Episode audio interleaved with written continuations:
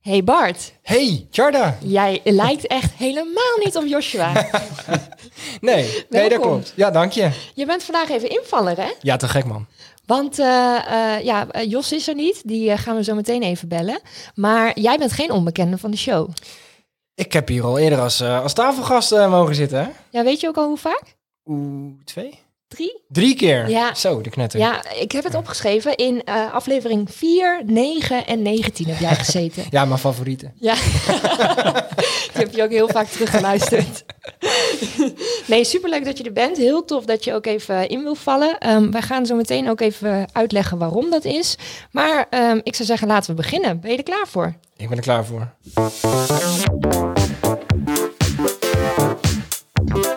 Welkom bij 20 voor 12, de podcast over tech, media en andere gemakkelijke of ongemakkelijke onderwerpen. We praten met vrienden van de show die ergens misschien wel iets vanaf weten. Speciaal voor Groningers en daarbuiten ook internationaal beschikbaar via het interweb. Dit zijn je hosts Joshua Peper en Chada Polderman. Nou ja, in dit geval dus Bart.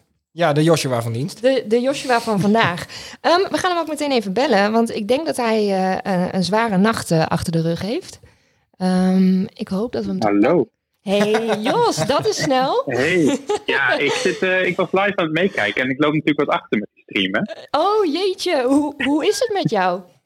Ja, met mij wel goed. Wij, eh, wij mogen je denk ik namens iedereen hier aan tafel feliciteren met de geboorte van je zoon. Woe! Dankjewel, dankjewel. Ja, gefeliciteerd. Eh, hoe, hoe, wanneer, hoe laat is het geboren en hoe is het met jullie allemaal? Ehm, nou, met ons allemaal is het goed. Eh, het was eh, geboren om kwart over tw- twaalf afgelopen nacht. Ehm, dus het is, allemaal, het is nog geen dag oud. En ja, op zich is alles goed. Hij is een beetje aan de lichte kant, dus hij moet even blijven tot vrijdagochtend, geloof ik. En dan kan hij mee naar huis. Dus En Ja. en hoe heet hij? hij heet Hugo. Jeetje, mooie naam. Ja, leuk hè? Ja, heel leuk. En je, jullie mogen morgen dan naar huis? Eh, nee, morgen is het donderdag. Dus we mogen vrijdag naar huis. Oh ja, oh ja, sorry. ik zit al bijna bij het Als, weekend. als joh. een kerstverse vader de dagen beter eh, in zijn hoofd heeft dan jij, dan... eh, Er gaat Er is er wel wat aan de hand. Wij hebben een biertje op tafel staan. Ja, ik heb een kopje, een kopje koffie op, want ik heb natuurlijk weinig slaap gehaald vandaag. Ja, hoe lang heb jij geslapen? Want ik, ik sprak jou gisteren nog en toen zei je dat je op een keukenstoel eh, zat naast, eh, naast Doreen. Ja, dat klopt. En eh, nou, dat was tot, ik denk, vier uur s'nachts of zo. En toen kreeg ik een kamertje met een, kreeg ik een stretchje. En eh, toen kon ik daar even, eh, wat ik veel, 2,5 uur op slapen voordat eh, de eerste nacht, nachtwacht weer langskwam om alle checks Oh, te doen ja. en weet ik het wat allemaal. Jeetje. Dus ja, dat was leuk. Had je zo'n plastic eh, stretcher of niet?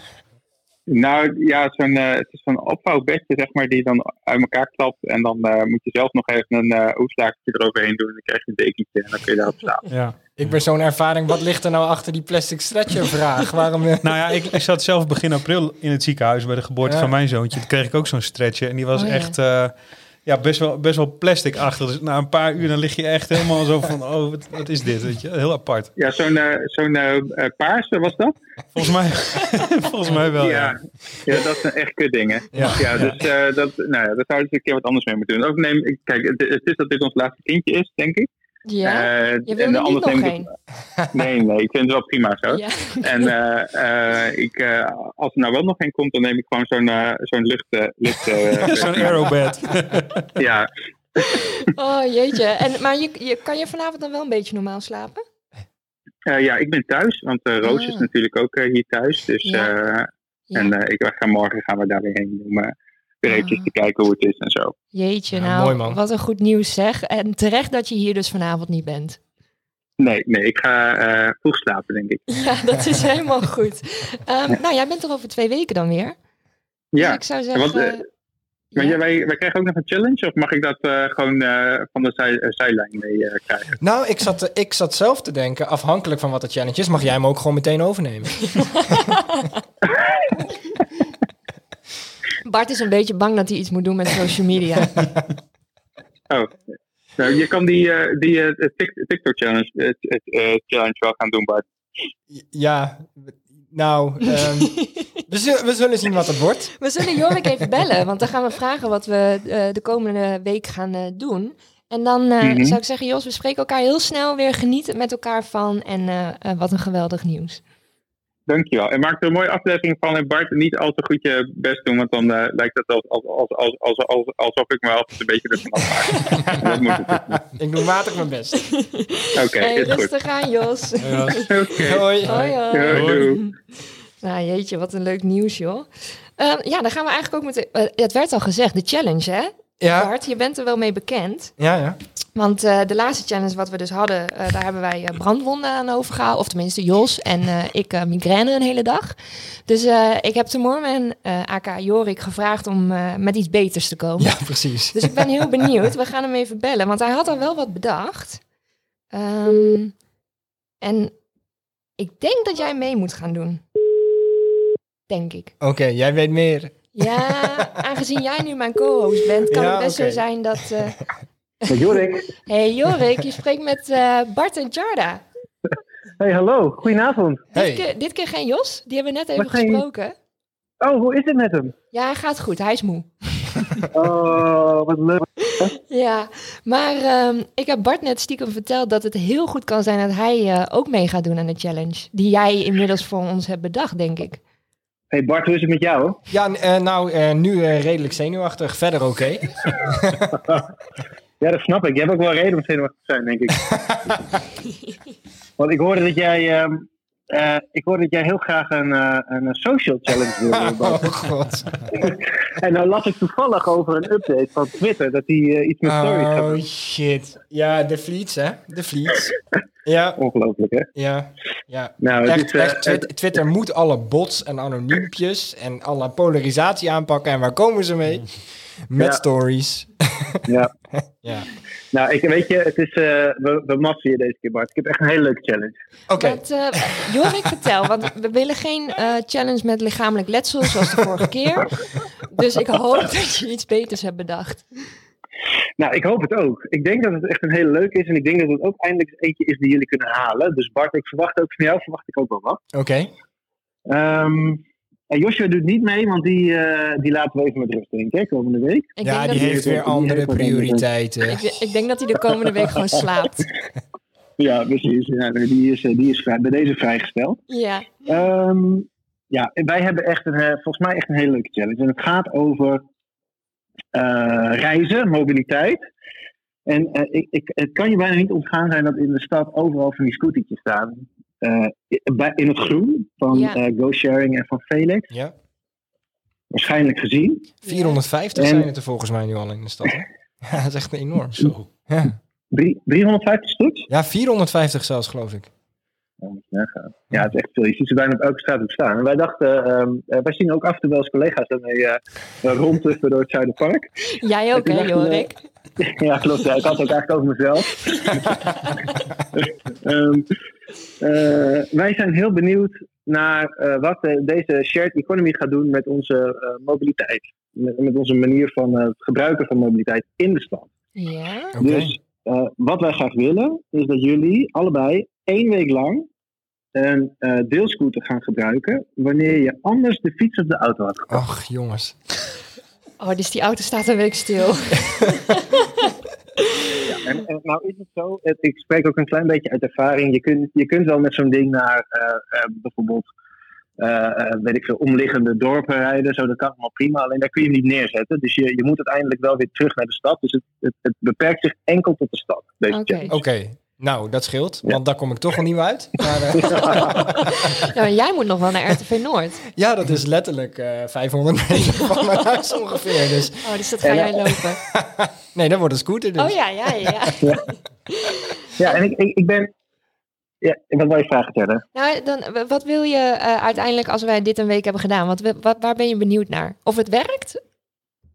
Ja, want ik zie iedereen op die dingen rijden. En ik denk, is het nou gewoon een soort gemak, zeg maar? Mensen die geen zin hebben om een fiets te kopen? Of eh, eh, zijn ze...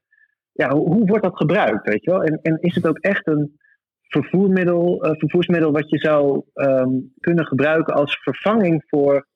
nou wat je normaal gesproken dan met de auto of met de fiets doet. Ja. En dan, en, dan, en dan ben ik ook heel benieuwd naar wat jullie daarvan vinden en hoe makkelijk het werkt. En of het ook echt zo is dat die dingen er dan altijd staan. Want er, er moet natuurlijk een keer gaan gebeuren dat je eentje niet kan vinden omdat die ineens leeg is. Ja. Denk, ik- denk ik. Ja. Ik ben heel benieuwd hoe, eh, hoe goed het werkt. Ik denk ook dat het heel erg pijn gaat doen aan onze bankrekening. Nou, daar heb ik een eh, oplossing voor, Charla. Want je mag, eh, je mag bij beide moeten jullie even een accountje aanmaken. Want ik ben ook benieuwd wat het verschil is tussen beide. Ja? En eh, alle reiskosten mogen bij mij worden gedeclareerd. Ah, dit wordt scooteren als een malle. Dat worden hele goedkope 500 meters hoor. Jeetje, wat een goede challenge. En eh, ook wel heel erg grappig, want we zitten binnenkort met, eh, met iemand van eh, deze eh deelscooters om tafel. Oh, kijk. Nou, Dus- nee, mag. Ja, want het is ook een pilot, geloof ik nog steeds, hè? Ja, als het, ja, in de stad zeker. En de wethouder die Ja. vindt daar ook absoluut het zijne van. Dus wat heel erg tof is, want op het moment dat we deze challenge dus gaan evalueren, is het waarschijnlijk in de episode dat deze twee mensen ook om tafel zitten. Hmm. Super goed gedaan, Nou, Jorik. Ja. Wacht even. Jullie vielen weg. Ik hoorde het niet. Ik hoorde het niet. Ik Oh. Nou, je, kreeg gedaan. complimenten. Je kreeg complimenten. Oh, lekker. Kun je dat nog een keer herhalen? Tjara? Super goed gedaan, zei ik. Oké, top. Nee, hartstikke, hartstikke leuk. Ik, eh, Mm. Volgens mij is dit wel eentje die, eh, die goed haalbaar is. Ja. Ehm, eh, ja, ik ben benieuwd, jongens. Zet hem op. Dankjewel, Dankjewel. dankjewel. En eh, bedankt eh, voor je eh, tijd. En we eh, zeggen fijne avond alvast. Ja, yes, graag gedaan. Dankjewel, hoi hoi. Hoi, hoi. Nou, dat wordt, eh, dat wordt je fiets even een weekje laten staan. Ja, dat denk ik ook, ja. Heel vervelend. Ehm, we hebben ook twee tafelgasten. Eentje hebben jullie net al kunnen horen. Ehm, eh, Peter Hager, welkom. Dankjewel. En tegenover jou zit Niek Huizinga, welkom. Hoi, dank je. En wat wij altijd doen in een podcast is, we gaan online alles opzoeken wat we kunnen vinden. Ehm, dat gebruiken wij eh, ter introductie. En eh, op het moment dat eh, ik zo meteen iets zeg, je zegt, nou, dat klopt dus echt totaal niks van, dan heeft Google het dus verkeerd. Ehm, en dan mag je dat corrigeren. Maar Niek, ik begin graag met jou. Want ehm, jij werkt al een decennium lang voor innovatieve start-ups als medeoprichter, consultant of investeerder. Ehm, ik denk dat het een resultaat van vijf jaar geleden was, want inmiddels ben ik al 15 jaar of zo. Ja, ja, Ja. En ben jij officieel, kom je ook uit Groningen? Eh, nee, nee, ik kom uit Twente en ik ben hier nou naar Groningen gegaan voor de studie. Oh ja, ja, een beetje standaard verhaal Blijf je hangen, hè? Ja, Ja. hè?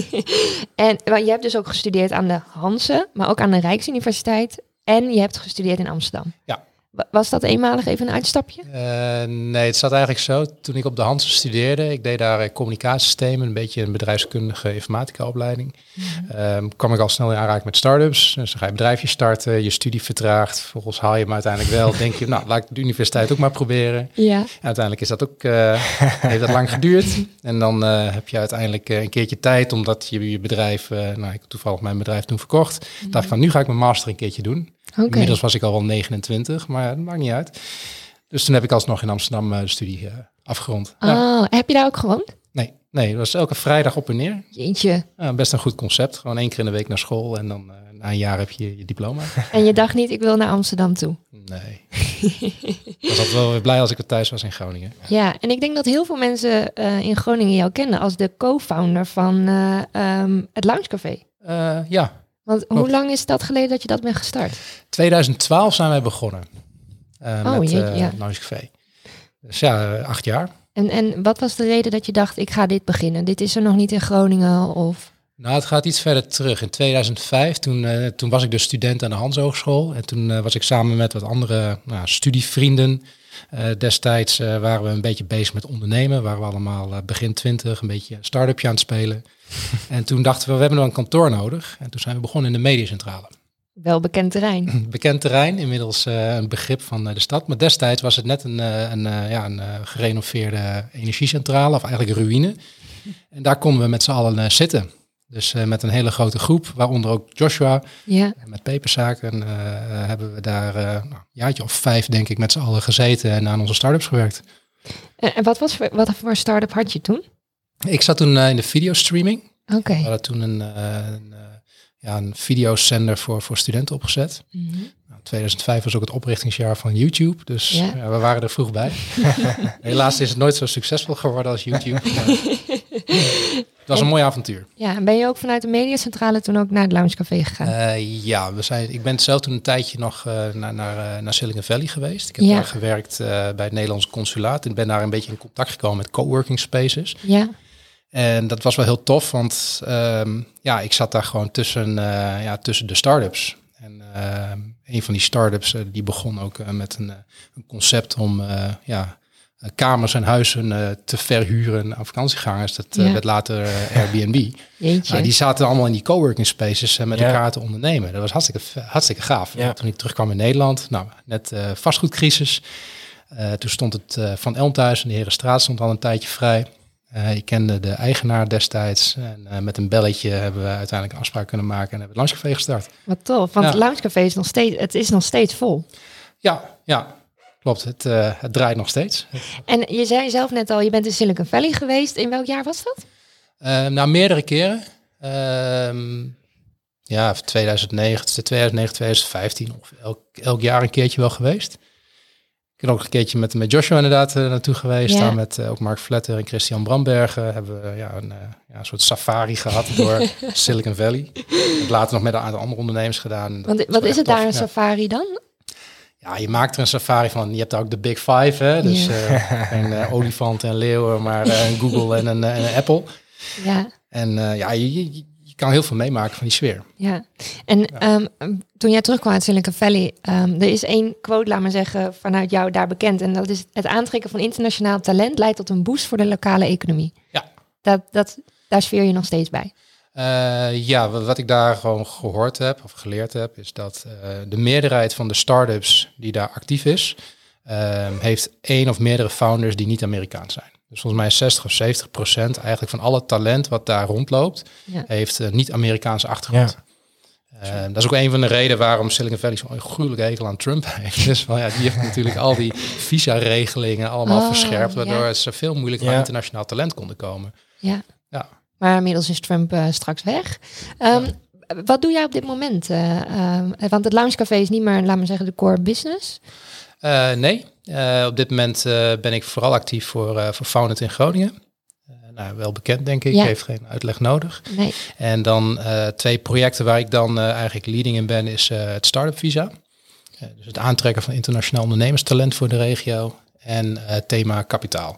Oh ja. Dus het, ja, het versterken, verbeteren, inzichtelijker maken van het investeringsklimaat.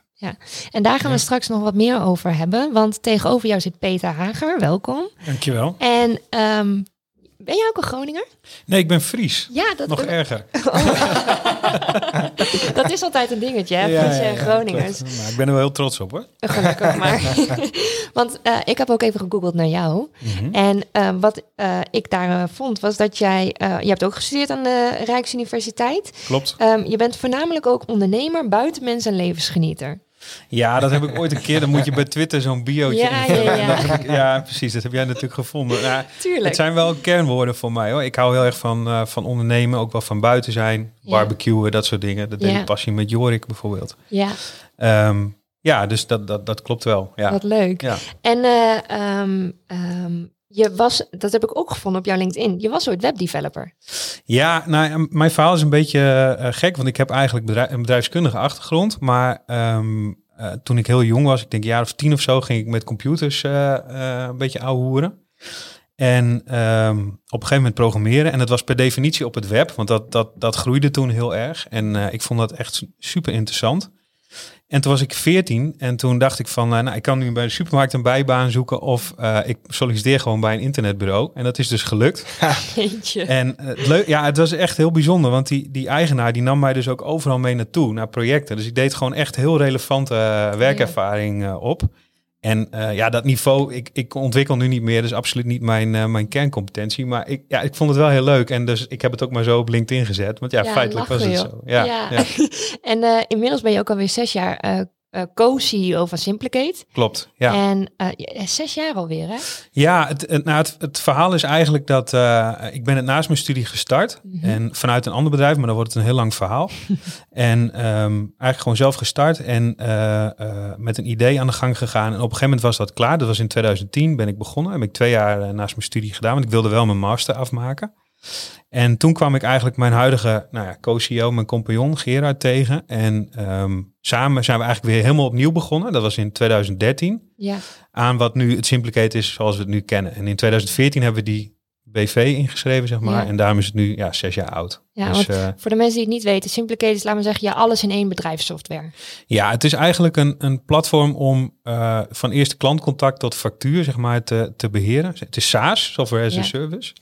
En dat wordt veel gebruikt door internetbureaus, eh, accountants. Iedereen die iets met uren doet als basis voor zijn, eh, zijn bedrijf. Zeg Ja, maar. dat is gewoon, want ik werk inmiddels zelf vijf jaar in Groningen en eh, overal waar ik heb gewerkt, werk ik met Simplicate. Ja, ja, het dat is is, ja, dat is superleuk. Ja, Ja, het ja, is wel ja. Goed, eh, goed geland hier. Ja. Ehm, Maar maar- e- e- even relevant hè, voor deze uitzending. Hoeveel talenten lopen er bij, bij Simplicate? Hoeveel personeel hebben jullie? We hebben nu, eh, ik denk zo'n 45 eh, eh, mensen. Ehm varieert van in verschillende disciplines. Dus eh, marketing, sales, ehm, eh, development natuurlijk. Dus eh, productkant, customer success. Dat, dat is een beetje een fancy term. Die komt uit Amerika over. Maar dat is ook iets wat we heel erg uit Amerika gehaald hebben. Dus wat Nick net zei, goed in Amerika kijken. Hebben we ook heel Mhm. veel gedaan.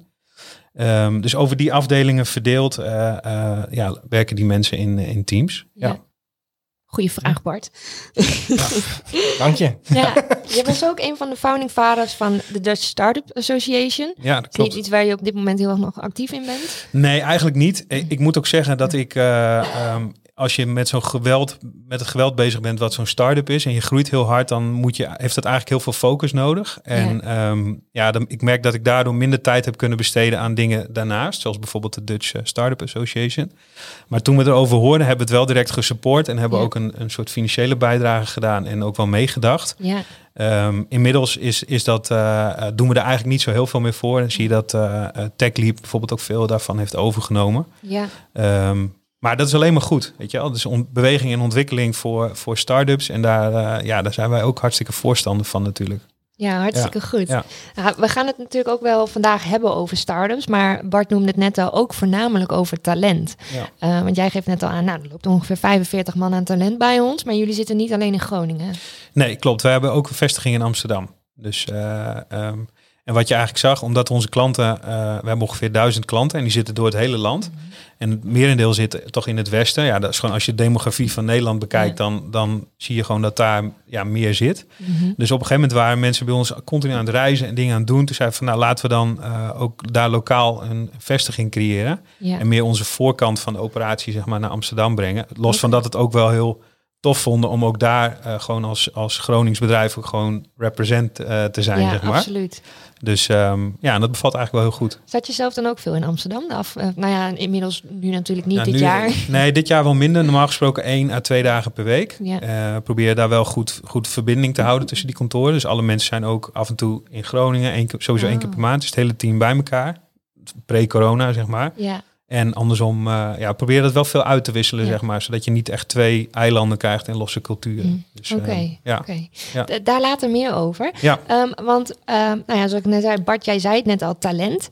Ehm, het gaat er vanavond eigenlijk om hoe vind je dat? Hoe verbind je dat aan je organisatie of aan je stad of aan je provincie? Maar ook hoe behoud je ze? Ehm, Eerst, eerst maar eens aan beide, beide heren. Jongens, hoe gaat het met het talent in Groningen? Hebben we genoeg? Hebben we te weinig? Wordt het meer? Wordt het minder? Vertel. Er is wel veel talent. En eh, zelfs de inschrijvingen op de universiteit en de Hans Hogeschool zijn dit jaar weer omhoog gegaan. Dus, eh, en ook het aantal internationale studenten blijft maar stijgen. Dus het, het, de stad Groningen als, als plek waar talent naartoe gaat, ehm, zitten we wel goed, ja. En, en wa- wat zijn dat voor de mensen? Zijn het internationaal studenten? Komen die uit de rest van Nederland? Ja, je ziet natuurlijk een beetje een trend, doen alle universiteiten en hogescholen aan mee, om veel te werven in het buitenland. Hè? Dus eh, die zijn heel actief in, Azië, in Amerika en in Europese landen. Om zoveel mogelijk internationale studenten naar zich toe te trekken. Want het heeft ook gewoon, een, ja, commercieel gezien, ook gewoon een aan, aan, aan, Ja. is aantrekkelijk voor ze. Eh, en daarnaast, in dit geval Groningen, eh, of de regio Noord eigenlijk, Noordoost, dat heeft ook wel te maken met demografie, dat het aantal jonge mensen afneemt. Dus dat moet je dan ook wel compenseren met eh, talent van buiten de regio of buiten Nederland. Maar het zijn er dus weer meer dan vorig Ja, jaar in Ja, Groningen. het aantal studenten is ook weer gestegen. Maar dat komt ook wel een beetje door de coronasituatie. Omdat heel veel nou, ja, VWO'ers of havisten die denken van neem een tussenjaar of ik ga nog even reizen. Ja. Ja, dat, dat kan nu niet, dus ga je maar studeren. ja, dat is Ja. natuurlijk wel een goeie. Heel veel mensen willen een tussenjaar om te kunnen reizen, maar dat valt echt compleet weg op dit moment.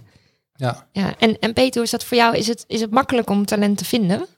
Nou, het is, het is altijd moeilijk omdat, ehm, ja, echt goed talent is natuurlijk eh, eh, is altijd schaars, denk ik. Omdat het niveau ook in, in zijn algemeenheid steeds verder omhoog gaat van de mensen die je nodig hebt. Maar ik merk wel de laatste jaren dat we makkelijker goede mensen vinden. Absoluut. Ja. En eh, dus ik, ik ervaar wel een positief eh, effect wat dat betreft. Ja. Want wij waren gisteren nog even aan het bellen. En toen zei je ook al, ehm, in coronatijd zijn we gewoon doorgegaan met onze werving. Ja, ja. Ja, we hebben dat heel bewust gedaan, want je merkte eigenlijk dat eh, best wel veel mensen ook beschikbaar kwamen. Bijvoorbeeld freelancers die al zoiets hadden van, nou, ja, ik wist eigenlijk niet of ik dat wilde blijven doen. En ehm, eh, nou, nu kwam er een vette uitdaging voorbij en ik dacht, ik ga er gewoon voor bewijzen van. Dus, Ja. dus dat, dat soort eh, mensen hebben we aan ons kunnen binden. En daar zijn we ook heel bewust voor gegaan. We hadden zoiets van, we moeten, we moeten gewoon gas houden, want op een dag komen we hier met z'n allen weer doorheen. Eh, we hadden die ruimte om die mensen aan te nemen, dus dat hebben we ook zeker gedaan. Dus niet, de- niet de voet op de rem, maar gewoon doorgaan. En dat, dat heeft zeker geen winterijden gelegd. Want we hebben echt wel veel goede mensen aan kunnen nemen dit jaar weer. Dus daar ben ik heel blij mee. Ja, Ja, zeker. Ja. Hartstikke goed. En eh, ehm, ik heb een beetje, ik heb mijn huiswerk gedaan en me verdiept in wat er op dit moment allemaal in Groningen speelt aan eh, mensen of eh, organisaties die talent op hun programma hebben staan. Bart, wat weet jij daarvan? Oeh, oeh, ja, nou, we hebben Founded in Groningen hebben we hier al. Eh, Ja. Even kijken, we hebben ehm, eh, Startup in Residence, dat is weer Ja. onderdeel van Founded. Oeh, ja, we hebben er wel veel, denk ik. Top Dutch valt er denk ik ook nog onder de campagne die een tijd lang is gevoerd om eh, werknemers en talent naar Groningen te Ja. halen. Make it in the Noord.nl is ook nog een platform wat eh, eh, actief is. Oké. Je hebt het ja. akkoord van Groningen, waar een heel stuk in staat over strategische plannen met betrekking tot talent. De samenwerking tussen de instanties. Ja, ja, en zo heb je nog heel veel meer. En, en dat was ook een beetje wat me heel erg opviel. Er wordt al echt heel erg veel gedaan ehm, met de pijler talent. Ehm, waarom staat het toch zo breed in al die plannen? Eh, als je denkt, als er zoveel mensen mee bezig zijn, dan is dat toch op een gegeven moment een keertje gelukt. Eh, ja, goed. Je kan denk ik nooit genoeg talent hebben voor, eh, voor een regio. Ehm, kijk, het is gewoon strategisch beleid voor, voor, heel veel organisaties, zowel voor onderwijsinstellingen als voor, voor overheden. En ook Ja. gewoon puur het feit van ja, het aantrekken van internationaal talent is gewoon goed voor je omgeving, voor je stad. Ja, dat heeft iedereen. Dus je ziet ook binnen, binnen Nederland dat eh, elke regio eh, zich ook hierin profileert om een internationaal aantrekkelijke omgeving te zijn. hebben wij dan als, als, als Groningse provincie daar wat meer last van, laten we zeggen, dan bijvoorbeeld een naam als Amsterdam? Ehm, nou ja, je hebt een beetje twee kanten. Hè. Aan de ene kant wil je talent behouden. Dus eh, ik denk dat Groningen zeker goed is om, om nou, talent aan te trekken. En dan met name studenten. Het is gewoon een ja, universiteit die goed aangeschreven staat. Ja. eh, een relaxed omgeving. Dus trekt wel veel internationals aan. Tweede uitdaging is hoe zorg je ervoor dat ze hier blijven. Hè? Ja, Ik denk dat daar ehm, zeker in het verleden eh, dat, dat dat heel moeilijk was. Ik denk dat het nu volgens mij wel beter, eh, beter gaat. Waar, waar ligt dat aan? Nou, toen ik studeerde, ik weet niet hoe jullie dat hebben ervaren. eh, nou, binnen de rug, met name bedrijfskunde dat je ook gedaan hebt, Mhm, Peter. Van, ja. Als je dan naar een beurs gaat, wie staan daar? Allemaal bedrijven die eh, actief zijn in het Westen. Die strooien dan allemaal Ja. traineeships eh, eh, om je heen. En dan moet je naar Amsterdam of naar eh, Rotterdam of Utrecht. En heel veel studenten denken van, nou, Groningen studeren en dan straks werken in de Randstad. En eh, dat was, ik denk nog steeds wel een beetje de mindset bij heel veel, veel studenten is. Maar ik zie nu wel wat, dat het wat af aan het nemen is. Juist omdat dit soort programma's Groningen toch steeds beter op de kaart weten te zetten. Dus ga werken bij een start-up of begin Ja. je eigen start-up. Of, of werk gewoon bij de, een, bij de organisaties die hier in eh, de regio zijn. Ja, Ja. Maar dat kan nog wel beter hoor, denk ik. ook- oké. Wat, wat moet er absoluut nog beter bijvoorbeeld? Nou ja, dat je eh, studenten eh, meer nog laat zien van wat de carrière-mogelijkheden zijn na je studie hier in, in Groningen, Drenthe, Friesland of Twente, zeg maar, dus de noordelijke, noordoostelijke regio. Want die zijn er echt wel genoeg hoor. Ja. Maar, ja, maar ze moeten het zelf nog even weten. de Ja. talenten in kwestie. Ja. Maar jij zegt net al, wel, Niek, eh, dus er is wel aanwas. Hoe, wat komt dat Groningen dan in trek is, ehm, eh, of, of Friesland, of, of eh, inderdaad wat je zegt, Twente, bij, bij nou, voornamelijk internationals waarschijnlijk? Ehm, ja, ik denk gewoon goede, goede promotie. Ja. Best wel veel mensen zijn actief dus op dit vlak. Dus eh, volgens mij hebben ze ook heel veel agents rondlopen door de hele wereld eh, om Groningen te promoten. Ik denk dat Nederland sowieso een aantrekkelijk land is om te studeren, eh, gewoon puur als land. Want het is veilig, het is relaxed, het is nog redelijk betaalbaar. En de universiteiten en hogescholen zijn goed aangeschreven. Nederland Ja. heeft wel een internationale goede reputatie. Ja, en dat trekt gewoon heel veel internationaal talent hier naartoe. En dat kiest natuurlijk logisch ook een heel groot deel voor, voor, eh, ja, voor het noorden. Ja, Ja. Ja. Da- Dat is een beetje eh, een verschuiving naar binnen de opleidingen, meer internationaal. talent. Is dat ook zo bij jouw bedrijf? Trek jij steeds meer internationale eh, mensen aan in, bij Simplicate? Nee, wij, wij ehm, zijn eigenlijk nog helemaal eh, Nederlandstalig bedrijf, zeg maar. En eigenlijk is dat ook best wel... ehm, ja, af en toe stellen we onszelf ook wel die vraag van... moeten we dat blijven doen? Want daardoor loop je eigenlijk automatisch ook wel internationale talenten mis.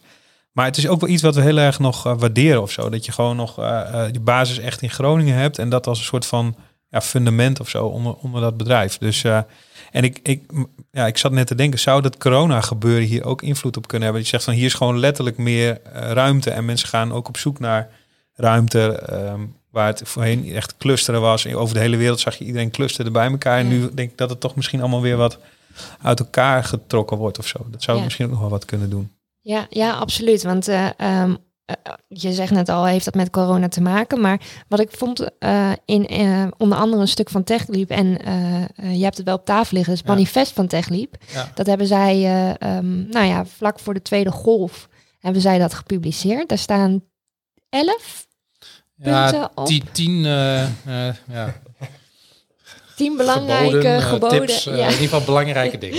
En met name voor start-ups. Ehm, maar het aantal banen in de start-up scene in Nederland groeide in 2020 met 4% in het tweede kwartaal. Dus ik denk dat is voor, volgens mij echt heel veel. Verwachtende dat dat juist allemaal zal afnemen.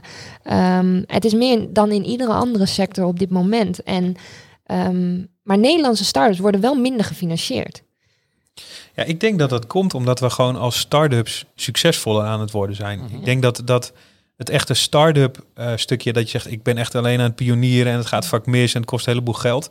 Er komen natuurlijk steeds meer mensen met kennis van zaken die weten van hoe run je zo'n bedrijf. Er komt Ja. ook steeds meer focus op het businessmodel, denk ik, waardoor je ook goed begrijpt van wat drijft nou een, Hm. een succesvol bedrijf. Ja. En ik denk dat we met elkaar die formule steeds beter aan het kraken zijn, waardoor die, die, die, dat zaadje ook steeds meer ontkiemt, zeg maar. En ook eh, in staat is om gewoon te groeien en goede mensen te binnen en ook geld te verdienen, zeg maar. Wat natuurlijk heel lang een beetje gek eh, was. Het amateurisme er een beetje af in Groningen misschien?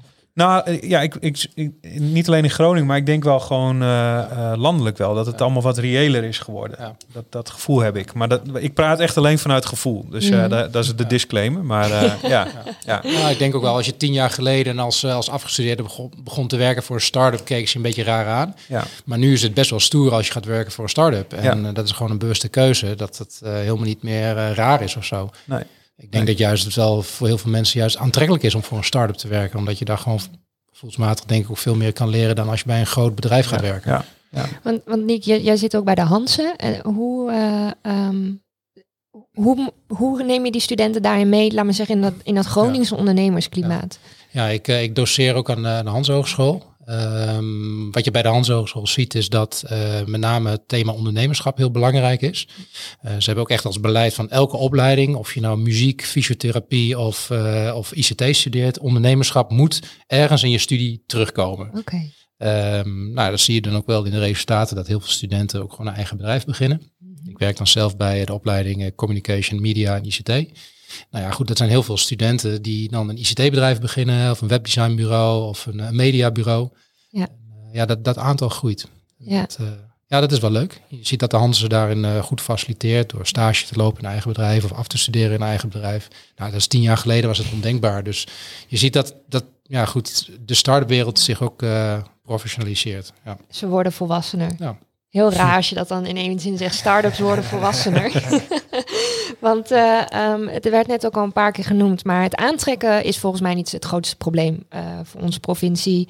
Ehm, want dat lukt wel aardig goed. Maar hoe zorg je er nou voor dat de mensen die hier naartoe komen en, en dat talent bezitten of hebben, wat, de organisatie zoeken, hoe zorg je ervoor dat ze blijven? Want is dat nog wel een puntje dat het lastig is om talent, ehm, als je ze eenmaal binnen hebt, om ze dan ook nog zo te kunnen faciliteren dat ze blijven hangen? Hoe is dat bij jouw organisatie? Hoe gaan jullie daarmee om? Nou, heel lang was dat bij ons, ehm, dan gebeurde dat gewoon een beetje. Een beetje op, op, op goed geluk, zeg maar. Dan, dan ben je met elkaar heel hard aan het rennen naar een bepaald doel. En dan heb je eigenlijk niet zoveel oog voor ja, echt het individu. Dat klinkt heel gek, maar natuurlijk ben je bezig met hoe gaat het met iedereen. En, en, en stop je er heel veel tijd in. Maar wat wij nu echt aan het doen zijn, is die slag aan het maken naar... Wat wil jij in je persoonlijke ontwikkeling bereiken? En hoe kunnen we die, die doelen die jij hebt uitlijnen met de doelen die wij hebben? En wat je dan merkt is dat je denkt dat je dat heel erg doet. Ja. Maar dat je dat eigenlijk, dat, zo'n gesprek voer je helemaal niet zo vaak. En dat is echt een, een, een skill, zeg maar, die je als organisatie moet ontwikkelen om die twee op elkaar uit te lijnen. En dan kun je dus ook, denk ik, mensen meer behouden. Of weet je veel meer van, nou, die, die staat op het punt om iets anders te gaan doen. Of ja, en kun je dat ook gaan voorspellen, zeg maar. en met dat elkaar voor, nadenken. voor, voor jullie organisatie niet heel intensief ook om te doen? Ja, zeker heel intensief. En dus ook echt een zoektocht. En eh, wat je ook ziet is dat heel veel mensen dan wel roepen van ja, ik wil ontwikkelen en ik, ik wil impact maken. Wat echt fantastisch is. Die drive, daar begint het mee. Alleen als je dan volgens de vraag stelt, wij zeiden altijd van nou, je creëert je eigen werkelijkheid. Dus ga maar doen, weet je wel, pak het maar op. Ja. Maar je ziet dat mensen daar ook wel weer af en toe moeite mee hebben, omdat dat zo- zo'n blanco eh, kader of, of eh, eh, Mhm. schets is, hoe noem je dat? Canvas. Dat je nu wat meer kan helpen met, eh, eh, oké, zo zou dat eruit kunnen zien. En ik denk dat dat ook iets is wat je met elkaar meer moet leren om, om die persoonlijke ontwikkeling ook goed, eh, goed te begeleiden. En niet Ja. alleen maar het bedrijf succesvol te laten zijn. Ja. Wat is volgens jou het belangrijkste om talent te behouden, Niek? Ah, vo- voordat ik die vraag ga, ben ik ook op benieuwd, Peter, van eh, hoe je, eh, je aannamebeleid daarin is. Want je hebt natuurlijk mensen die Hm. geven je veel verantwoordelijkheid, meteen al in het begin. Dat Mhm. maakt de baan waarschijnlijk ook aantrekkelijk. Maar dat kun je niet bij iedereen doen. Je kan niet zomaar iedereen aannemen. Nee, nee, klopt. Nee, dus je moet daar ook eh, je moet daar goed op selecteren. Dus wij selecteren ook heel erg op onze kernwaarden, zeg maar. Dus dat zijn eigenlijk niet eens de hard skills die mensen hebben, maar veel meer op soft skills. Ja. Ehm, ik vertelde gisteren al tegen Tjarda, wij, wij hebben bijvoorbeeld recent iemand aangenomen uit de horeca. En, eh, want we zeiden altijd, we moeten vooral heel klantgericht en klantvriendelijk zijn. En die mensen hebben dat natuurlijk als soft skill zo Ja. eh, Ja. eh, die beheersen dat fantastisch. Dat je zegt, ja, ik kan die, die hard, harde skills die nodig zijn, kan je wel leren. Dus het zit heel erg in de selectie ook op, op zachte eh, skills. En ehm, ja, ook gewoon goed begrijpen dat mensen ook soms nog veel moeten leren. En, en ook daarin niet die verwachting ook wel bij te stellen. Ook direct in het begin van, oké, rustig aan. Ik snap dat je dit wil. Maar laten we hier beginnen, weet je wel. Dat is al een fantastisch mooi begin. En zo, dat is ook weer die begeleiding, zeg maar, in die ontwikkeling. En kun je medewerkers dan ook lang vasthouden? Of is het ook zo dat ze na een tijdje gewoon altijd weggaan? Uiteindelijk, we zeggen altijd, iedereen is op reis, weet je wel. En we gaan graag een tijdje met elkaar op reis. En eh, ehm, het is ook normaal dat mensen weer, weer doorstromen natuurlijk. Dat moet je ook niet, niet te veel tegen willen gaan. Ehm, maar ik, ik, ben, ik denk wel dat dit beter gaat werken. Omdat je hier veel meer ook de behoeften van, van een individu meeneemt in je, in je plan als, als organisatie. En zo kan je het natuurlijk ook als regio eh, benaderen. Dat je kijkt van waar wil je naartoe? En daar veel meer over nadenkt van wat zou je willen. En het niet te veel laat gebeuren, zeg maar. Heb je zo'n idee hoe, hoe lang de gemiddelde werknemer eh, eh, bij jouw bedrijf zit? Nou, dat is wat lastig te zeggen, want we staan daarvoor denk ik nog wel iets te kort. We hebben mensen die zijn er vanaf het begin bij en Ja. er zijn mensen die, die zijn na eh, een paar maanden weer gegaan, omdat we gewoon heel goed, en die komen af en toe nog een biertje doen, bij wijze van. Ze zeggen, Ja. ja, het was het, was het, we hebben het geprobeerd, maar het was het gewoon niet. Ja. Ehm, maar ik denk wel dat we de mensen die we graag willen behouden, zeg maar, de mensen die graag bij ons willen, willen werken, die, die zijn er best wel lang. Ja, ja. Inmiddels zes jaar. Ja, toch. Ja, dat is, ja, ik vind het eigenlijk, het is wel, ik zei het is kort, maar het is eigenlijk best wel lang. nou ja, zes jaar is al Ja. een hele tijd. Volgens mij ben je met zes jaar ook geen start-up meer. Nou, er zijn verschillende definities Ja. natuurlijk, maar Krijg, ja. je, krijg je die kwestie? Ja, ja. Je En, valt toch duidelijk onder de categorie scale-up, toch? Ja, dan wel, toch? ja, het- klopt. Alleen je wilt die start-up mentaliteit, die wil je natuurlijk eh, erin houden. Je wilt niet die, eh, die logge tanker worden die geen kant meer, meer op Ja. kan. Nee. Nee. Nee, en, en Nick, je zei het net ook al een beetje, maar ehm, we hebben het dus ook heel veel over in- internationaal talent aantrekken. Maar de Nederlandse markt voor internationals en het binden van een international aan je bedrijf is helemaal niet zo heel erg positief. Tenminste, als je kijkt naar andere landen om ons heen. En dan heb ik het met name over het stukje wat heel veel in het nieuws is, het aandelen Oh, eh, en het belastingverhaal, ehm, wat, wat wij gewoon wat minder goed geregeld hebben. Ehm, ja, het is, het is een punt inderdaad, wat, dat staat ook in het manifest. Hè, Ja. van dat, eh, nou ja, goed, eh, om te werken voor een start-up eh, moet je het aantrekkelijker maken. Want nou ja, goed, start-ups heeft al- hebben over het algemeen niet veel geld. Dus ze kunnen niet echt marktconforme salarissen betalen. Nou, dat maak je natuurlijk deels goed door een start-up mentaliteit te bieden en een cultuur waar je gewoon eh, ja, lekker bezig kan zijn. Maar uiteindelijk wil je ook wel een beetje wat verdienen als, als medewerker van een start-up. Wat je dan vaak eh, Ja. hebt, is dan, nou, kan ik aandelen krijgen of opties op aandelen. En ehm, dat is mogelijk, maar fiscaal technisch niet altijd even interessant. Nee, want er zit heel veel belasting op. Tenminste, ze betalen hier meer dan dat ze in een ander land zouden moeten. Eh, ja, ik weet niet precies hoe het in de andere landen geregeld is, maar Nederland staat wel bekend omdat ze dat nog niet echt goed voor elkaar hebben. Ehm, je hebt eigenlijk twee smaken. Eh, je kan eh, aandelen krijgen, Eh, Mhm. maar goed, dat is niet krijgen, want als jij een aandeel krijgt, dat is gewoon, ja. Dat is gewoon een beloning, dus dat is gewoon inkomen. Dat wordt gewoon ook belast tegen inkomstenbelastingtarief. Dus als jij een, eh, een aandeel krijgt, eh, Bart, van, eh, van, een, van een waarde van een ton, mag je daar gewoon Precies. 52% belasting over betalen. De- zonder dat je überhaupt weet of die aandelen ooit een keertje echt wat waard Ja, worden. nou, het houdt je wel loyaal aan een bedrijf. Dat wel misschien. Ja, en als het bedrijf failliet gaat, dan ben je je geld gewoon Ja. kwijt. Hè? Dus, je, je moet je aandelen moet je kopen. Ja. En dat is, ja, dat moet je gewoon, dat wordt gewoon belast. Of je krijgt opties. En dat, dat klinkt wel goed, want vaak hoef je dan, dan heb je verschillende soorten optieregelingen, maar dan eh, eh, krijg je opties op aandelen. En op het moment dat het bedrijf bijvoorbeeld verkocht wordt, Mhm. kun je ze verzilveren. Eh, alleen het bedrag wat je dan krijgt om het te verzilveren, dat was ook weer inkomen. Dus daar mag je Ja. ook gewoon weer meteen belasting over betalen. Dus I- Is dit de grootste bottleneck voor het behouden van internationaal talent? Ik denk het niet. Ik denk wel dat het meespeelt. Ehm, ik, ik weet dat heel veel startups wel met, met die vraag zitten. Van, ja, moet ik mijn medewerkers nu eh, wat Ja. aandelen geven? En eh, hoe moet ik dat op een makkelijke manier regelen? Want het is ook vaak... Het zijn best wel wat, wat notariële stappen die je dan ook moet Ja. nemen. Dus het is ook best wel kostbaar hè, om het eh, door een advocaat goed op te Peter laten stellen. eh, fanatiek mee. Ja, nee, dat, dat klopt. Heb jij ja. al eens gedaan? Nou ja, nee, ja, sowieso wel iets dingetjes met aandelen is Ja. altijd ingewikkeld. Ja. En ehm, ja, ik, wat Niek zegt klopt helemaal. Dat is, dat is best wel complex. Wij hebben het al best wel lang, op een gegeven moment, lang geleden losgelaten. Dat idee van ja, dat, dat, dat op een gegeven moment wordt het, is het niet meer haalbaar, zeg maar, financieel ook. En, en wat is er, denk je dat als, als eh, eh, Bart noemde het net al de bottleneck, maar is daar iets wat we erin kunnen doen om dat aantrekkelijker te maken? Eh, ja, maar dat, dat moet via wetgeving. Ja, Ehm, wat TechLeap natuurlijk doet met het manifest, dit eh, manifest met, eh, met tien aanbevelingen, dat eh, sturen ze naar alle politieke partijen die straks met de verkiezingen meedoen. Ja.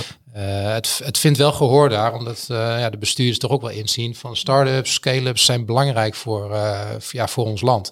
Eh, dus we moeten er wel voor zorgen dat we een, een aantrekkelijk start-up scale-up land worden. En Ja. daar hoort dit wel bij als instrument. Ja. Ja. Hey, we hebben de, even een zijstapje. We hebben de afgelopen jaren veel eh, initiatieven gehad. Hè. We hebben Topdutch die werknemers hier naartoe eh, nam. We hebben IBM heeft zich gevestigd in Groningen. Dat is met veel bombardie gebeurd.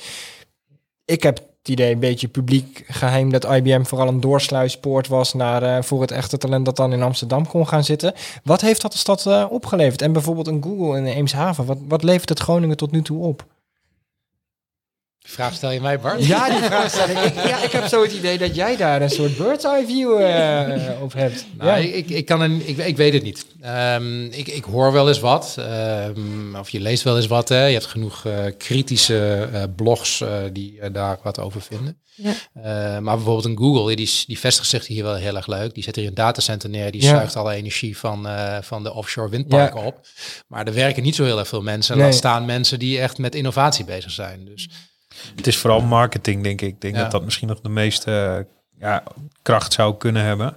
Maar in, wat je zegt concreet, vraag ik me af hoeveel het, eh, ja. hoeveel het oplevert. Dat is Ja. wel een terecht punt, denk ik. Het, is, het is goede marketing voor Groningen misschien, maar niet zoveel meer dan dat ook. Ja, ik, ik weet niet zo goed. Ik verplaats me. Ik ben best wel een beetje pragmatisch. Ik ver- ver- eh, verplaats me dan altijd gewoon in de, de, de medewerkers, zeg maar, die we eigenlijk met elkaar proberen te binden. En wat die daar dan van zou vinden. Mhm. En dat, dat, dat, ja, daar kan ik, me, daar kan ik niet zo, eh, Nee. zo goed antwoord dan op vinden. Van vindt hij dat heel mooi dat hier IBM is, bijvoorbeeld? Bepaalde Ja. mensen zullen dat heel tof vinden. Maar ehm, het, is, het is een soort van som van alles, denk ik. Wat, Ja. wat, er, wat er moet zijn voordat mensen blijven. Ja. Ja, wat je wel mist is ehm, die grote partijen die echt als afnemer voor startups kunnen fungeren. Ja. Je hebt bijvoorbeeld, eh, nou ja, je hebt grote bedrijven als een KPN of een Eneco of een ING, die hebben allemaal van die venturing takken. Die hebben Ja. ook Ah, investeringsfondsen. ja, ja. En eh, daar kunnen dan startups eh aan meedoen en die winnen dan geld of een participatie of ze zijn, dan hebben ze dan een klant. Nou, dat soort bedrijven die, die investeren daar wel heel erg veel in en die, die zijn hier niet in de regio. En dat- ik denk dat dat een groot gemis is. wat moet daarvoor gebeuren, denk je? Ehm, nou ja, goed, die wil niet zeggen dat Groningse bedrijven niet mee mogen doen. Die doen zeker wel mee. Maar op het moment dat ze eh, ja, zich dan gaan ontwikkelen, dan zitten ze dan vaak toch wel wat meer in het westen. Ja, Ah, Dus ja. eh, ja, nou, hoe, terwijl dat natuurlijk niet zo erg is, hè, want iedereen werkt toch thuis tegenwoordig. je kan ook in Groningen wonen in het westen er maar werken. Ja. Maar voor- vanuit, vanuit Founded is er dan wel een van onze doelen, is om dat soort eh, investeringspartijen, eh, corporate venturing, Ja. ehm, die voornamelijk actief zijn in het Westen, ook gewoon wat bekender hier te maken.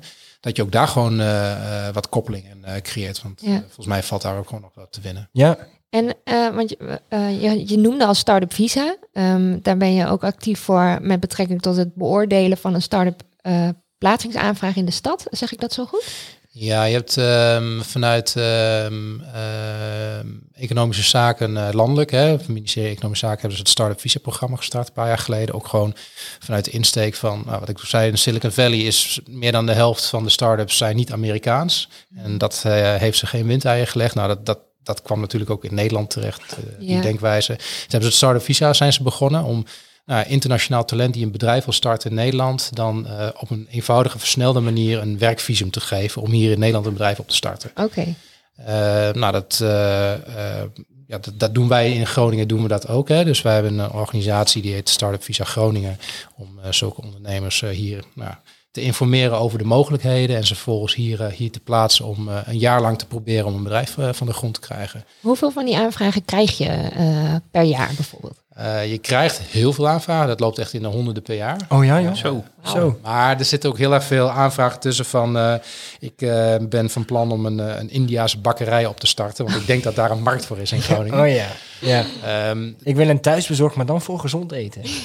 eh, ja, nou ja, goed, dat is dan nog enigszins IT gerelateerd. Ja. Maar Oh ja. ehm, innovatie is wel een voorwaarde om Ja. zo'n visum te krijgen. Dus je moet wel een innovatief concept hebben dat, dat, dat ja, meerwaarde heeft voor de Nederlandse markt. En hoe lang duurt zo'n traject voor eh, dat jij dat, laat maar zeggen, op bureau krijgt tot aan eh, het wel of niet naar eh, de stad toe komen of de provincie?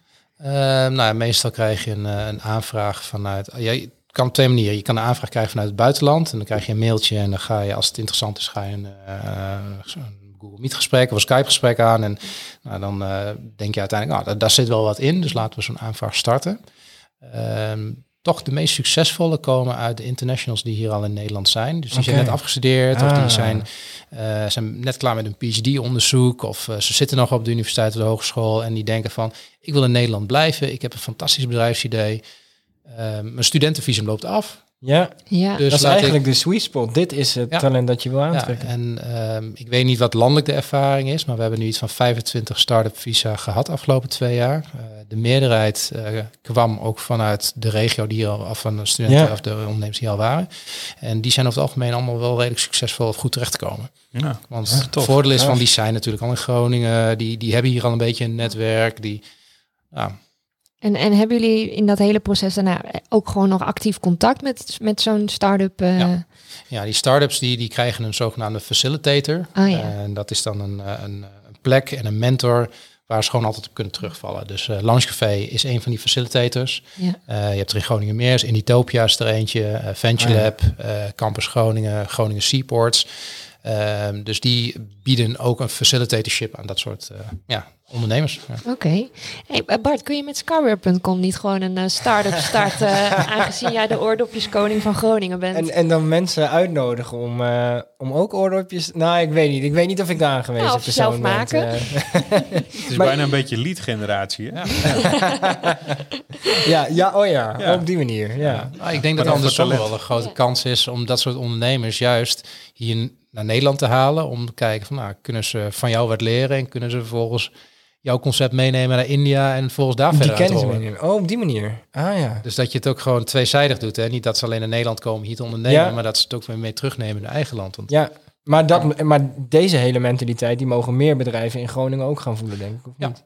Ik denk het wel. Want jij kiest er juist heel erg voor om op het Nederlandse te blijven. Waarom kies jij er bewust voor om dit niet te doen dan? Nou, dat is geen bewuste keuze hoor. Dat is op een gegeven moment heb, heb je, dan groeit dat zo. En ehm, eh, ik denk ook op het moment dat je internationale mensen aan gaat trekken, wat wij zeker ook op een zeker punt eh, zullen gaan doen. Want het is geen bewuste keuze om het niet te Nee, doen. oké. Maar op een gegeven moment ga, ga je, gaat het gewoon zo door. Plaats je een Nederlandse vacature en dan Ja. eh, loopt, het zo, eh, loopt het zo door. Zeker als je daarmee ook gewoon je, je talent wel op orde eh, kan houden. Ehm, maar ik, ik zou het fantastisch vinden om, eh, om ook internationale mensen eh, bij ons te hebben. Absoluut, zeker. Ja. Ja. Dan moet je de hele dag Engels gaan praten. Ja, maar dat is geen Nou ja, dat is dus eh, voor sommige mensen dan ook weer een probleem, want die zijn dat niet gewend, weet je wel. Ja. Dus het, het heeft best wel veel impact. En eh, kijk, wij kunnen dat wel heel makkelijk roepen. eh, zo van, nou ja, dan spreken Mhm. we Engels, zijn we wel gewend. Alleen ja, die, het heeft ook een cultuurimpact, zeg maar. Dus dat, Ja. daar moet je nou goed over nadenken. En dat is helemaal geen enkel probleem. Ik bedoel, uiteindelijk gaat dat gewoon gebeuren. Maar wij merken wel dat het, dat het zolang we het nog kunnen doen met... Ja. met ja, dan gaat het toch Ja. automatisch soort... nou, misschien bijna wel bad habit, die Ja. dan eh, doorloopt. ja, ja, ik ben gewoon, ja. Ja. Maar Ja. zitten jullie markt grotendeels in Nederland dan? Of hebben jullie, zijn jullie ook al naar het buitenland aan het kijken? Nou, wij, wij, in het begin wilden we echt ook naar het buitenland toe, maar dat hebben we vrij snel een beetje geparkeerd, omdat we zagen van eh, in Nederland ligt echt enorm veel potentie. En ehm, ja, dus toen zijn we daarop gaan focussen. En als we nu, we hebben net onze marktaandelen weer een beetje uitgerekend. En als je dan ziet wat we nog kunnen winnen in Nederland. Ik geloof wel heel erg in focus. Dus eh, Ja. eh, ergens iets doen en daar heel goed in worden. En internationaal leidt daarin ook wel weer een beetje af. Dus eh, wij zullen dat alleen doen als we niet meer kunnen groeien in, eh, in, in Nederland en België, waar we dan nu ook wel actief zijn. Ja. Maar goed, Ja. ja. is dat internationaal? Ja. Nou ja, dat is toch een ander land. Het is wel een ander land, andere cultuur, maar ehm, qua taal natuurlijk wel Ja. op zich wel vergelijkbaar. Ja. Ehm, ja, dus zo is dat voor ons. En ehm, we hebben ook nog een vraag gekregen. Ehm, ik ga hem aan jullie allebei stellen. En dan waarschijnlijk zegt een van jullie... oké, daar heb ik wel goed antwoord op. Of, of niet. Ehm, hoe zal de noordelijke talentenmarkt er eh, op de lange termijn uitkomen te zien? Denken jullie? Over twee jaar, drie jaar, tien jaar, vijftig jaar? Nou, laten, we, laten we starten met eh, eh, vijf jaar. Ehm, ik denk sowieso internationale. Eh, gewoon puur ook omdat eh, qua demografie het aantal jongeren in de regio loopt af. Dus er zal meer internationaal geworven worden. Dus er zal, zal meer internationaal eh, talent hier naartoe komen. Ehm, als het echt gaat om start-up talent en ondernemerstalent, ik denk dat het ook diverser gaat worden. Dus ehm, nou, een van de dingen waar, waar Founded zich ook op inzet, waar die ook veel meer partijen zich steeds inzet, is diversiteit. Hè? Dus eh, meer, meer vrouwelijke start of vrouwelijk geleide start-ups. Ja. ehm, Want daar is nog wel een tekort aan. achtergronden. Ja, dus ik dat, juist je ziet nu al die programma's eh, komen. Je ziet ook eh, het programma Fundride, dat investeerders ook eigenlijk een beetje een soort quotum krijgen om Oh ja? ook een deel van hun Oh. eh, investeringen ook te doen in bedrijven waar, waar diversiteit of waar, waar vrouwen aan het hoofd Ja, staan. daar wordt echt op gestuurd. hè. Dus daar wordt echt op Ja. gestuurd. Dus ik denk niet dat je over een jaar of vijf wel eens gaat zien dat daar resultaten geboekt worden. Ja, Dus ik denk dat ehm, ja, de, de talentenmarkt wat diverser eh, gaat worden. Ja. dat lijkt me helemaal geen slecht, eh, slecht iets. Nee, want Nee. ik denk ook dat het wel een, een, een- eh, onbenut potentieel is. Ehm, ik zie ook bijvoorbeeld op de Hanse, ehm, als je dan naar die ondernemers, minoren, klasjes kijkt, het zijn eigenlijk alleen maar jongens. Ja. Oh ja. En, Maar, maar jongens hebben natuurlijk wel gewoon lef. Die gaan gewoon. ehm, ja, maar waar, waar komt dat door? Ja, goede vraag. Ehm, ik ken heel veel vrouwen die fantastische bedrijven hebben opgezet. Ehm, ja, goed. Waarom die wel en waarom Ja. de anderen niet? Ja. Dus maar de- de- juist door die programma's, en ik denk dat het onderwijs er ook wel steeds meer op focust. En ik zie dit, nou, ik heb kleine kinderen die net op de basisschool zitten. Ja. Dus ik zie ook wel dat daar gewoon ehm, eh, focus gelegd wordt op, ehm, ja, op eh, ja, meer gelijkwaardigheid, op Ja. eh, ontwikkeling van, eh, van meisjes als ondernemer of als wetenschapper of als techneut. Ja. ja. Heel interessant. En eh, Pe- Peter, hoe denk je dat het bij jou aankomende vijf jaar... eh, hoe, hoe gaat het met de talentontwikkeling binnen jullie organisatie bijvoorbeeld? Nou, ehm, ja, ik ben eigenlijk wel, wel ehm, heel trots ook hoe wij als Noorderlingen, dat is een beetje inhakend nog op wat er net gezegd werd, hoe wij ons profileren. En dat triggerde me wel een beetje dat je zei van jongens staan misschien wat meer voor aan en eh, of mannen en altijd te schreeuwen.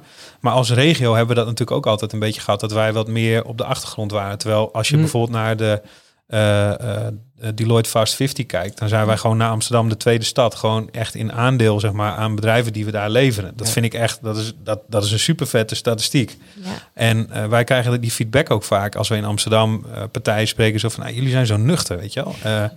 En ik, dat, is ook, dat is dus je kracht. Ik denk dat daar heel erg onze kracht ligt. En dat we een soort van diesel zijn die op gang aan het komen zijn. Als, we het, als het ons lukt, dat het heel gedegen gaat zijn. Ja. En dat voel ik heel erg, dat dat nu aan het gebeuren is. Ah. En eh, ehm, dus ik heb, ik heb daar heel, heel goede hoop in. Wij blijven ook heel bewust eh, ons hoofdkantoor in Groningen. Dat, dat voelt goed. En ik denk ook dat dat, eh, dat dat gewoon een hele goede keuze is. We krijgen ook vaak van investeerders bijvoorbeeld die je dan spreekt, gewoon in je netwerk of dat soort dingen. Die zeggen, ja, jullie, het begint een USP te worden dat jullie in Groningen zitten. Ook met ook toegang tot de talentenmarkt. Dus het begint iedereen wel, wel op te vallen. Dat, eh, om ons heen dat, dat hier iets aan het gebeuren is ook. Ja. Dus dat is wel heel leuk. speelde natuurlijk al best wel lang. Hè? Want vijf jaar geleden, eh, nou, ik weet niet wanneer Deloitte begon. De Groningen staat altijd, eigenlijk altijd wel Ja, goed Klopt, op. dat is heel consistent. Ja. Steeds hoor je wel van, ja, jongens, jullie moeten je wat beter profileren. Ja. Ik las vandaag in de Groningen Internetcourant dat Jort Kelder het ook had gezegd gisteren bij de commerciële club. Ja, ja. Oh ja, die was daar. Ja, het is ook heel makkelijk. Het is een van de grootste open deuren natuurlijk. Ja. Maar wij merken het ook echt in de omgang met hoe, hoe je je ook profileert als partij. Dat die, Ja. dat die nuchterheid, dat dat, dat, dat eh, iets doet met mensen. En dat je daarmee ook wel weer je eigen soort van waarde aan het creëren bent. Ja. Ja, dus ik vind die ver... meer de kracht van maken eigenlijk. Gewoon. Ja, eigenlijk. als je zegt, wij moeten ook volgens mij geen Silicon Valley eh, willen zijn. Wij moeten Groningen zijn en eh, eh, heel trots zijn op wat we hier kunnen bereiken. En dat is aan het lukken, denk ik. Wat ik wel merk, met name vanuit internationals die dan hier in Nederland willen vestigen. Dus die, die kiezen niet zozeer bewust voor Groningen hoor. Die kiezen gewoon voor Nederland, omdat Ja. het is een aantrekkelijk land. Precies, ja. En ja, dan leg je ze uit van ja, je zit in Groningen. Dan zeg ik, nou waar ligt dat? Dan zeg ik, nou ja, een uurtje van Amsterdam, of anderhalf uur van Amsterdam. Dus eigenlijk zijn we praktisch Amsterdam-Noord. Ja, ja. ja. Ja, en dat is voor hun prima, want als Ja. je uit Delhi komt en je moet van de ene kant van de stad naar de Nou andere ja, kant van de dat. stad, dan ben je al een dag onderweg. Wat maakt het dan nog uit? hè? Nederland is Ja. wat dat betreft ook wel heel erg klein. Ja, Ja. ja. Maar zeg tegen Amsterdam, en kom een dagje naar Groningen. En dan Ja, moeten ze ja, ook meteen een hotel boeken. ja. Zeg tegen de Groningen, clichés. ja, je Ja. moet even naar Amsterdam. dan- Ongeveer net zo ver als Delhi. Ja. Ja. Moet je nou nog helemaal naar huis? Ja, Moest je zo vroeg uit je bed? Ja, ja. Ja. ik herken het wel. We hebben veel klanten ook in het westen zitten. eh, en ik reisde voor coronatijd nog wel heel veel naar Rotterdam. En ja, dat doe je dan gewoon. Je reist ook dezelfde dag wel weer terug. Maar als je ze hier uitnodigt, dan boeken ze meteen een hotel erbij. ja. Pak ze meteen een eh, weekendje schier. eh, Ja, ja. Ja, je kan hier ook naar een eiland toe. Ja, dat is allemaal heel makkelijk. Jeetje, eh, wat een mooie input. En ik zou eigenlijk bijna zeggen, goh, eigenlijk over vijf jaar moeten we wel weer eens een keer met elkaar aan tafel om te kijken of Ja. alles wat we nu gezegd hebben, of, eh, of die diversiteit en het aantal ondernemers en start-ups allemaal gegroeid is. Het is gewoon een soort tijd, tijdcapsule dit Ja, dan. Hè? ja. Eh, Ja. Begraven over vijf jaar. Ja. Ja, ja, Nou, ik nodig jullie bij deze ook van harte uit. Bart, dan ben jij er dus ook. Want Oké. heeft misschien wel weer een nieuw kind. Ik ga niet vijf jaar lang op scooters rijden hoor. Dat, Nee, dat is zeven dagen. Ehm, wij hebben nog een column te goed van onze eh, vaste columnist Wilbert. Ehm, en eh, ik zou zeggen, laten we daar even naar luisteren. Ik ben benieuwd wat jullie ervan vinden. Kapitalisme. Hoi, ik ben Wilbert. Misschien ken je het wel. Kapitalisme. Ik denk dat het tijd is voor iets nieuws. En dan zeg jij, maar het is toch fijn dat je alles kan kopen? Lang leven het geld. En hoera, flappen in mijn zak. Het kapitalisme kijkt heel plat naar waarde. De enige waarde die we lijken te kennen is geld, terwijl er zoveel meer aan elkaar te geven is. En nee, we hoeven niet terug naar ruilhandel. Geld is natuurlijk een mooie uitvinding, want daardoor hoeven we geen tafel van 4 meter lang meer te ruilen tegen een wilg. Twee dingen die überhaupt niet te tillen zijn. Maar het zou wel een goed idee zijn om geld wat meer uit het systeem te slopen. Of gewoon te kijken of dat alleen de basis kan zijn. Meer kijken naar alternatieven. Want welke waarde kan je toevoegen zonder dat het om keiharde euro's gaat? Gewoon expertise? Of misschien wel gewoon een beetje liefde. Dus denk bij de volgende offerte gewoon eens na. Wat zouden we voor elkaar kunnen betekenen en wat kan ik, wat iemand anders niet kan? Klinkt heel antroposofisch, is het misschien ook, maar wie zegt dat dat slecht is? Heb jij een tegenwerping zoals... Maar ik vind Karl Marx zo'n enge guy. Of ik ben bang dat ik mijn bonus niet krijg. Stuur me dan een bericht op Twitter. Ik heet er ik wil pret. Hij doet dat altijd zo mooi. ik vind het grappig. Eigenlijk lijkt het wel een beetje op wat jij zegt, eh eh, Niek. Zo van, hey, het zou eigenlijk gewoon moeten zijn dat een bedrijf eh, of het talent uit India en Groningen elkaar kan kruisbestuiven. En dan mag in India ook mee terug. Ja, maar goed, zo'n Indiër die mag er dan ook wel gewoon geld aan verdienen als die eh, je, jouw concept overneemt. Ja, en daar uiteindelijk zeker. moet jij er natuurlijk wel weer even terug. Hoef het kapitalisme er niet voor te slopen meteen. Nou ja, wat, wat Wilbert ook al zegt. Peter, bij je volgende offerte, wat zou je dan kunnen, anders kunnen vragen, denk je dan bijvoorbeeld gewoon het geld? Ehm, nou, wat wij bijvoorbeeld wel eens vragen eh, als mensen korting eh, vragen. Dat wij, wij zeggen dat we doen geen korting, want dan, dan kan je dat niet uitleggen naar eh, als je het Mhm. een iemand wel geeft, de andere Ja. niet. Eh, maar dat zeggen, wil je misschien dan bijvoorbeeld referentie voor ons zijn? Maar wat we laatst eh, gedaan hebben, is ook, eh, dat was wel heel grappig, was één klant, die hebben we gekoppeld aan een andere klant. Dus iemand in, die deed in adviseren voor aanbesteding, iemand anders zocht aanbesteding. Nou, die zijn aan elkaar gekoppeld en daar is succesvol de samenwerking uitgekomen. En dat gaf bizar veel energie ook, merkten wij in onze interne kanalen en zo. En het, op de socials ging dat. En het was niet eens bedoeld als marketing, maar dat gebeurde gewoon. Ja, Super, super leuk. En Ja. wat Wilbert zegt, ik, ik, ja, ik, ik denk dat het wel goed is om daar meer over na te denken met elkaar. Wat je meer kan doen. Ik, ik, dat voelt iedereen wel dat dat, dat, dat ook, eh, ja. denk ik hoor, zou iedereen moeten voelen dat dat, dat, dat, dat, dat nodig is. Het gaat niet alleen om de euro's. Nee, dat wordt vrij siloos, denk ja. ik. Ja. Ja. En dat is denk ik ook wat heel veel start-ups, eh, die, die zijn niet altijd bezig met, met winst en resultaat. Maar juist die willen impact maken, die willen iets bereiken. En uiteindelijk is dat, dat financiële resultaat heb je nodig, maar is een, moet een gevolg zijn en niet het doel. Nee, Ja. gezegd. Zo. Ik denk dat we, we zijn inmiddels ook het uur rond. Dat ging vrij snel. Ehm, is er nog iets wat je eh, op dit moment nog mee wil geven of waarvan je zegt, oké, dat zou ik echt nog eventjes willen zeggen. Anders moet je het even bewaren voor over vijf jaar.